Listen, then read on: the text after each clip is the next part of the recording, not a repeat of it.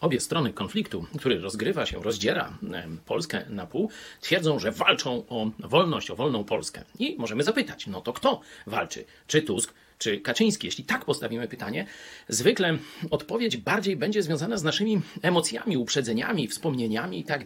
Może postawmy inaczej pytanie. Jak powinna wyglądać wolność w Polsce? I wtedy myślę, że łatwiej odpowiemy Tusk czy Kaczyński. Jeden sposób postrzegania wolności to jest plemienny. Nasze ma być na wierzchu.